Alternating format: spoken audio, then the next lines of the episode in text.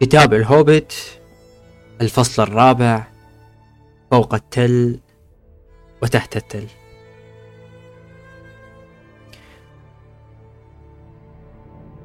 كانت هناك الكثير من الطرق المؤدية إلى هذا الجبال والعديد من, المر... من الممرات فوقها. لكن غالبية الطرق كانت خادعة مضللة. ولا تؤدي إلى أي مكان أو أنها كانت ذات نهايات مسدودة. أما الممرات فغالبيتها تسودها الشر والمخاطر المروعة. لكن بفضل نصائح الروند لهم بالإضافة إلى دراية غاندالف بالطرق وذاكرته القوية سلك الأقزام والهوبت الطريق السليم ومنه إلى الممر السليم. ومرت أيام طوال بعد مغادرتهم للوادي وابتعادهم عن منزل الملاذ الأخير لأميال عدة لكنهم كانوا ما زالوا في طريقهم إلى أعلى الجبال. كان الطريق شاقا ومحفوفا بالمخاطر وكان أيضا ملتويا منعزلا طويلا.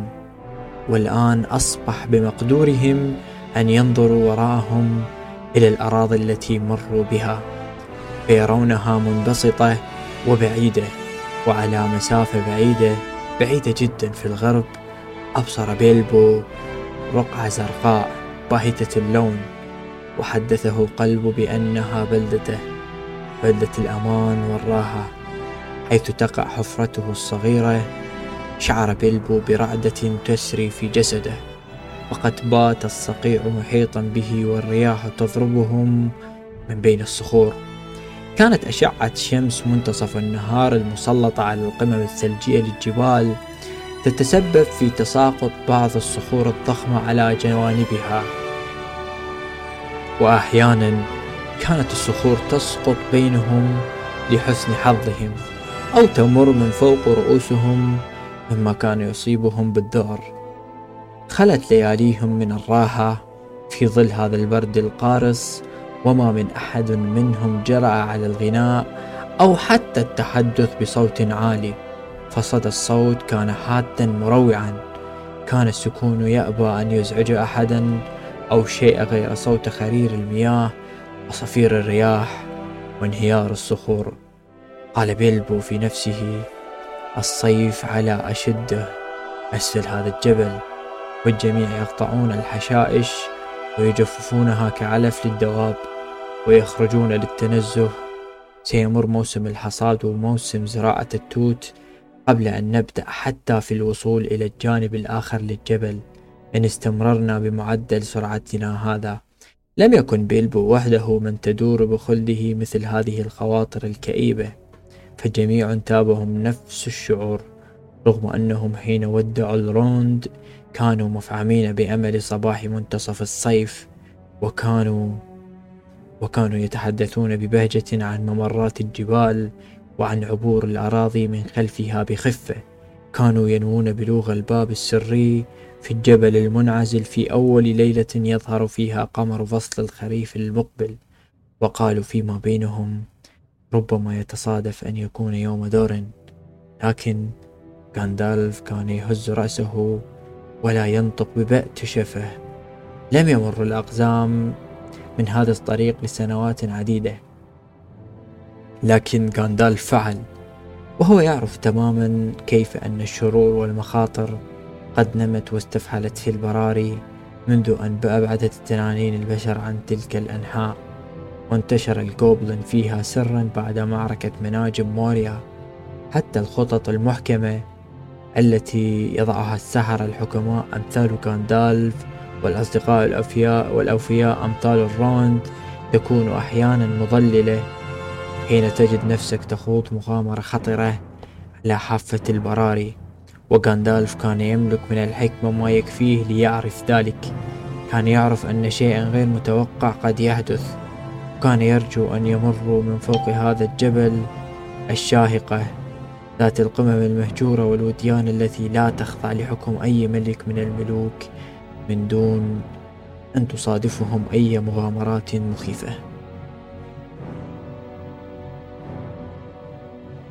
لكن لم يكن هذا ما حدث. كان كل شيء على ما يرام حتى هبت في يوم من الأيام عاصفة رعدية. لا لم تكن عاصفة رعدية. بل كانت معركة رعدية تعلم أنت كيف تكون العواصف الرعدية الشديدة مروعة حين تهب على الأرض وفي وديان الأنهار وبالأخص حين تتصادم عاصفتان رعديتان شديدتان ببعضهما البعض. لكن المروع والرعد والبرق حين يضربان الجبال أثناء الليل حين تهب عاصفة من الشرق وأخرى من الغرب وتندلع الحرب بينهما. البرق يضرب قمم الجبال والصخور ترتجف وأصوات تصدعها تملأ الهواء تصدم أجزاءها المتهشمة بالكهوف والشقوق فتتدحرج بداخلها. أما ظلمة الليل فتختفي وسط أضواء البرق والضجيج. لم يشهد بيلبو قط أو حتى مر بخياله شيئا من هذا القبيل. لقد لجأوا جميعا لمكان ضيق يطل, يطل على وادي مظلم منحدر بشدة عند أحد جوانبه. وهناك قرروا قضاء ليلتهم محتمين بصخرة فاتنة من أعلى. رقد بلبو على الأرض وغطى جسده ببطانية وهو ما زال يرتعد من قمة رأسه وحتى أخمص قدميه. وحين اختلس النظر رأى على ضوء وهج البرق مردة, مردة الأحجار في الهواء الطلق يلهون عبر الوادي بالصخور ويقذفونها باتجاه بعضهم البعض ثم يلتقطون المزيد منها ويتقاذفونها وسط ظلمة الليل. تتحطم بين الأشجار أو تتهشم إلى قطع صخرية صغيرة فيسمع لها دوي وبعد ذلك هبت الرياح وأمطرت السماء وحركت الرياح مياه الأمطار والبرد في كل اتجاه. وبالتالي لم تمثل الصخرة الناتنة حماية فعالة على الإطلاق.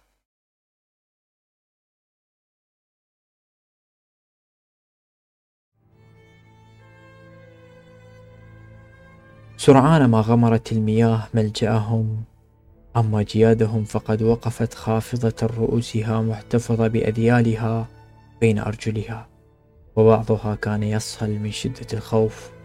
حين يسمع صوت قهقهة العمالقة وصوت صياحهم بين الجبال قال ثورن موقفنا هذا لا نحسد عليه.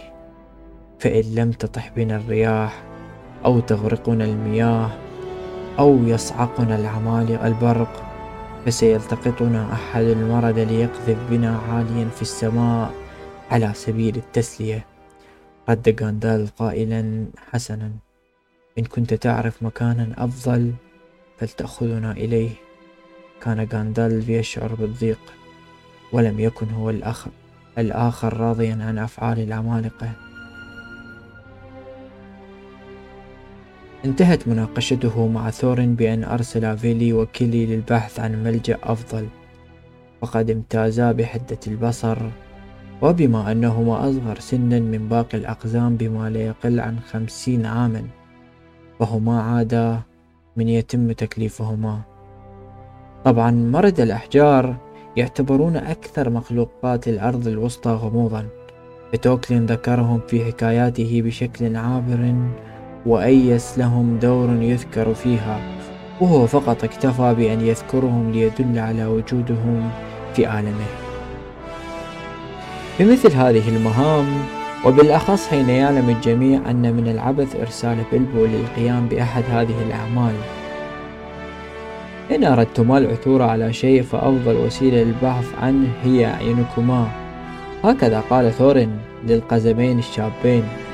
من المؤكد أنك عادة ما تجد شيئا حين تبحث لكنك لا تجد بالضرورة الشيء ذاته الذي تبحث عنه. وهذا ما أثبته هذا الموقف. سرعان ما عاد فيلي وكيلي زاحفين ومتشبثين بالصخور وسط تلك الرياح وقالا وجدنا كهفا جافا وليس ببعيد ويمكننا إدخال الجياد وكل شيء إلى داخله. سألهما الساحر الذي يعرف أن كهوف الجبال غالبا ما تكون مجهولة هل عاينتما بدقة؟ قال القزمان. أجل أجل. ورغم أن الجميع يعرفون أن من المستحيل أن يكون القزمان قد عاينا الكهف بدقة مع عودتهما بهذه السرعة إلا أنهما أضافا أنه ليس بكهف كبير وليس ممتدا أيضا وهذا بالطبع ما يمثل خطورة الكهوف. فأحيانا لا يمكنك أن تعرف إن كان الكهف ممتدا أم لا أو الأم أو أو ألم يصل بك ممر خلفي به. أو ماذا ينتظرك بداخله. لكن بالنسبة للموقف الراهن بدت أخبار فيلي وكيلي مناسبة جدا. هكذا قام الجميع واستعدوا للانتقال إلى الكهف. كانت الرياح تصفر وصوت الرعد ما زال يدوي. لم تكن عملية انتقالهم وجيادهم بالأمر اليسير. لكن الكهف لم يكن بعيدا وسرعان ما وصلوا إلى صخرة كبيرة في وسط الطريق. إن عبرت من ورائها وجدت مدخلا مقوسا في جانب الجبل مساحته بالكاد تكفي لأن يعبر جوادا من خلاله بعد أن تخلع عنه حمله وسرجه وبينهم وبينما هم يجتازون المدخل شعروا بأنهم أفضل حالا في الداخل حيث يمكنهم سماع صوت الأمطار والرياح تعصف بالخارج بدلا من أن تكون حولهم. وشعروا بالأمان بعيدا عن العمالقة وما يتفادون من صخور وما يتقاذفون من صخور لكن الساحر لم يكن ليترك مجالا للمخاطرة. فأشعل عصاه كما في ذا كما فعل في ذلك اليوم في حجر طعام بيلبو. حدث ذلك منذ فترة طويلة. إن كنت ما زلت تذكر وعلى شعاع هذا الضوء غاين الكهف من أوله وآخره. كان الكهف متوسط المساحة ولم يكن كبيرا جدا أو مثير للريبة. كانت أرضيته جافة وبدت بعض زواياه مريحة. وفي أحد أطرافه كان هناك متسع للجياد وهناك وقفت الجياد وقد أحست بسعادة غامرة بسبب تغير المكان. كانت تنفذ البخار من مناخيرها وتمضغ الطعام من أكياس العلف المعلقة حول رؤوسها. أراد أوين وكلوين أن يشعلا نارا عند مدخل الكهف. ليجففا ملابسهما. لكن غاندالف لم يكن ليسمح بذلك. فنشروا جميعا متعلقاتهما المبتلة على الأرض وأخرجوا ملابسهم جافة من حقائبهم ثم بسطوا أغطيتهم على الأرض بشكل مريح وأخرجوا غلاياته غلاينهم ونفذوا حلقات الدخان التي أحلاها غاندالف. بهدف تسليتهم إلى حلقات مختلفة الألوان تتراقص تحت سقف الكهف. أخذوا يتحدثون ويتحدثون حتى نسوا أمر العاصفة وتجاذبوا أطراف الحديث حول ما سيفعل كل منهم بحصته من الكنز حين يحصلون عليه. ففي تلك اللحظة تحديدا لم يبدو, لم يبدو لهم الأمر مستحيلا. ثم بدأ الجميع يخفو واحدا تلو الآخر. وكانت تلك هي آخر مرة يرون فيها جيادهم وأمتعتهم وحقائبهم وأدواتهم ومعداتهم الشخصية التي أحضروها معهم في رحلتهم. برغم كل شيء فقد أثبتت تلك الليلة أن اصطحاب الأقزام وكانداف لبلبو معهم في رحلتهم كان أمرا مفيدا لسبب ما لم يتمكن بلبو من أن يخرج النوم إلا بعد فترة طويلة. وحينما خلد إليه راودته الأحلام المزعجة رأى في منامه أن شقا في جدار الجزء الخلفي من الكهف أخذ يتسع أكثر فأكثر حتى أحدث فجوة بالجدار وشعر بلبو بالخوف الشديد لكنه لم يتمكن من الصياح أو فعل أي شيء سوى أن يمكث في مكانه ليراقب ما يحدث ثم رأى في منامه أيضا أن أرضية الكهف قد بدأت في التشقق. وأنه كاد ينزلق بين الشقوق ليسقط في الهاوية. وحينها استيقظ بلبو في فزع شديد ليجد أن جزء من حلمه كان بالفعل حقيقة وأن شقا بالجدار الخلفي للكهف قد أحدث فجوة به. وقد صارت بالفعل كأنها ممر واسع. استيقظ بلبو في الوقت المناسب ليرى ذيل آخر ليرى ذيل آخر الجياد وهو يختفي في, في فجوة الكهف وبالطبع أطلق بيلبو صيحة عالية عالية جدا بالنسبة لصغر حجم الهوبت بلمح البصر وثبت جوء الجوبلن جوبلن ضخام الحجم جوبلن ضخام الحجم بشع الخلقة جوبلن كثيرون دخلوا إلى الكهف. أحاط كل ستة منهم على الأقل بواحد من الأقزام. وإثنان منهم ببيلبو وأمسكوا الجميع وحملوهم عبر فجوة الكهف في لمح البصر. أيضا لكنهم لم يمسكوا بغاندالف فصيحة بيلبو كانت مفيدة جدا بالنسبة إليه حيث أفاق عليها في جزء بسيط من الثانية وحين اقترب منه الجوبلن ليمسك به أحدث وميضا رهيبا كضوء البرق وفاحت رائحته كرائحة البارود وسقط الكثير منهم صريعين على أرض الكهف. انغلقت الفجوة بسرعة من ورائهم وأصبح بيلبو والأقزام على الجانب الآخر من الكهف. وأين يا ترى غاندالف؟ لم يكن لدى الأقزام أو بيلبو أو حتى الجوبلين أية فكرة. الجوبلين لم ينتظروا لاكتشاف أين اختفى غاندالف. كان الجانب الآخر غاثو ومظلما. بحيث أن الجوبلين الذين اعتادوا سكن مناطق قلب الجبال هم فقط من يمكنهم الرؤية بداخله. كانت الممرات متقاطعة ومتشابكة في جميع الاتجاهات لكن الجوبلين كانوا يعرفون طريقهم بالداخل كم كمعرفتك أنت بالطريق الأقرب مكتب بريد إلى دارك هكذا ظل الطريق ينخفض بهم أكثر فأكثر. حتى أصبح الجو بالداخل خانقا إلى أقصى الحدود. كان الكوبلن قاسي القلب ولا يعرفون الرحمة مع من يوقعون به. كانوا يضحكون بصوت حجري مروع مما أصاب بيلبو ببؤس أكثر مما أصابه حين عمله العمالقة من أصابع قدميه. تمنى بيلبو مرة تلو الأخرى لو أنه كان بحفرته الأنيقة اللامعة ولم تكن تلك هي المرة الأخيرة. ثم ومض ضوء أحمر أمام أعينهم وشرع الكوبلن في الغناء كان صوت غنائهم أشبه بالنعيق وتزامن غناءهم مع صوت ضربات أقدامهم المسطحة على الصخور واهتزاز أسراهم أيضا بفعل ضربات الأقدام. كان كان غناء الجوبلن مروعا بالفعل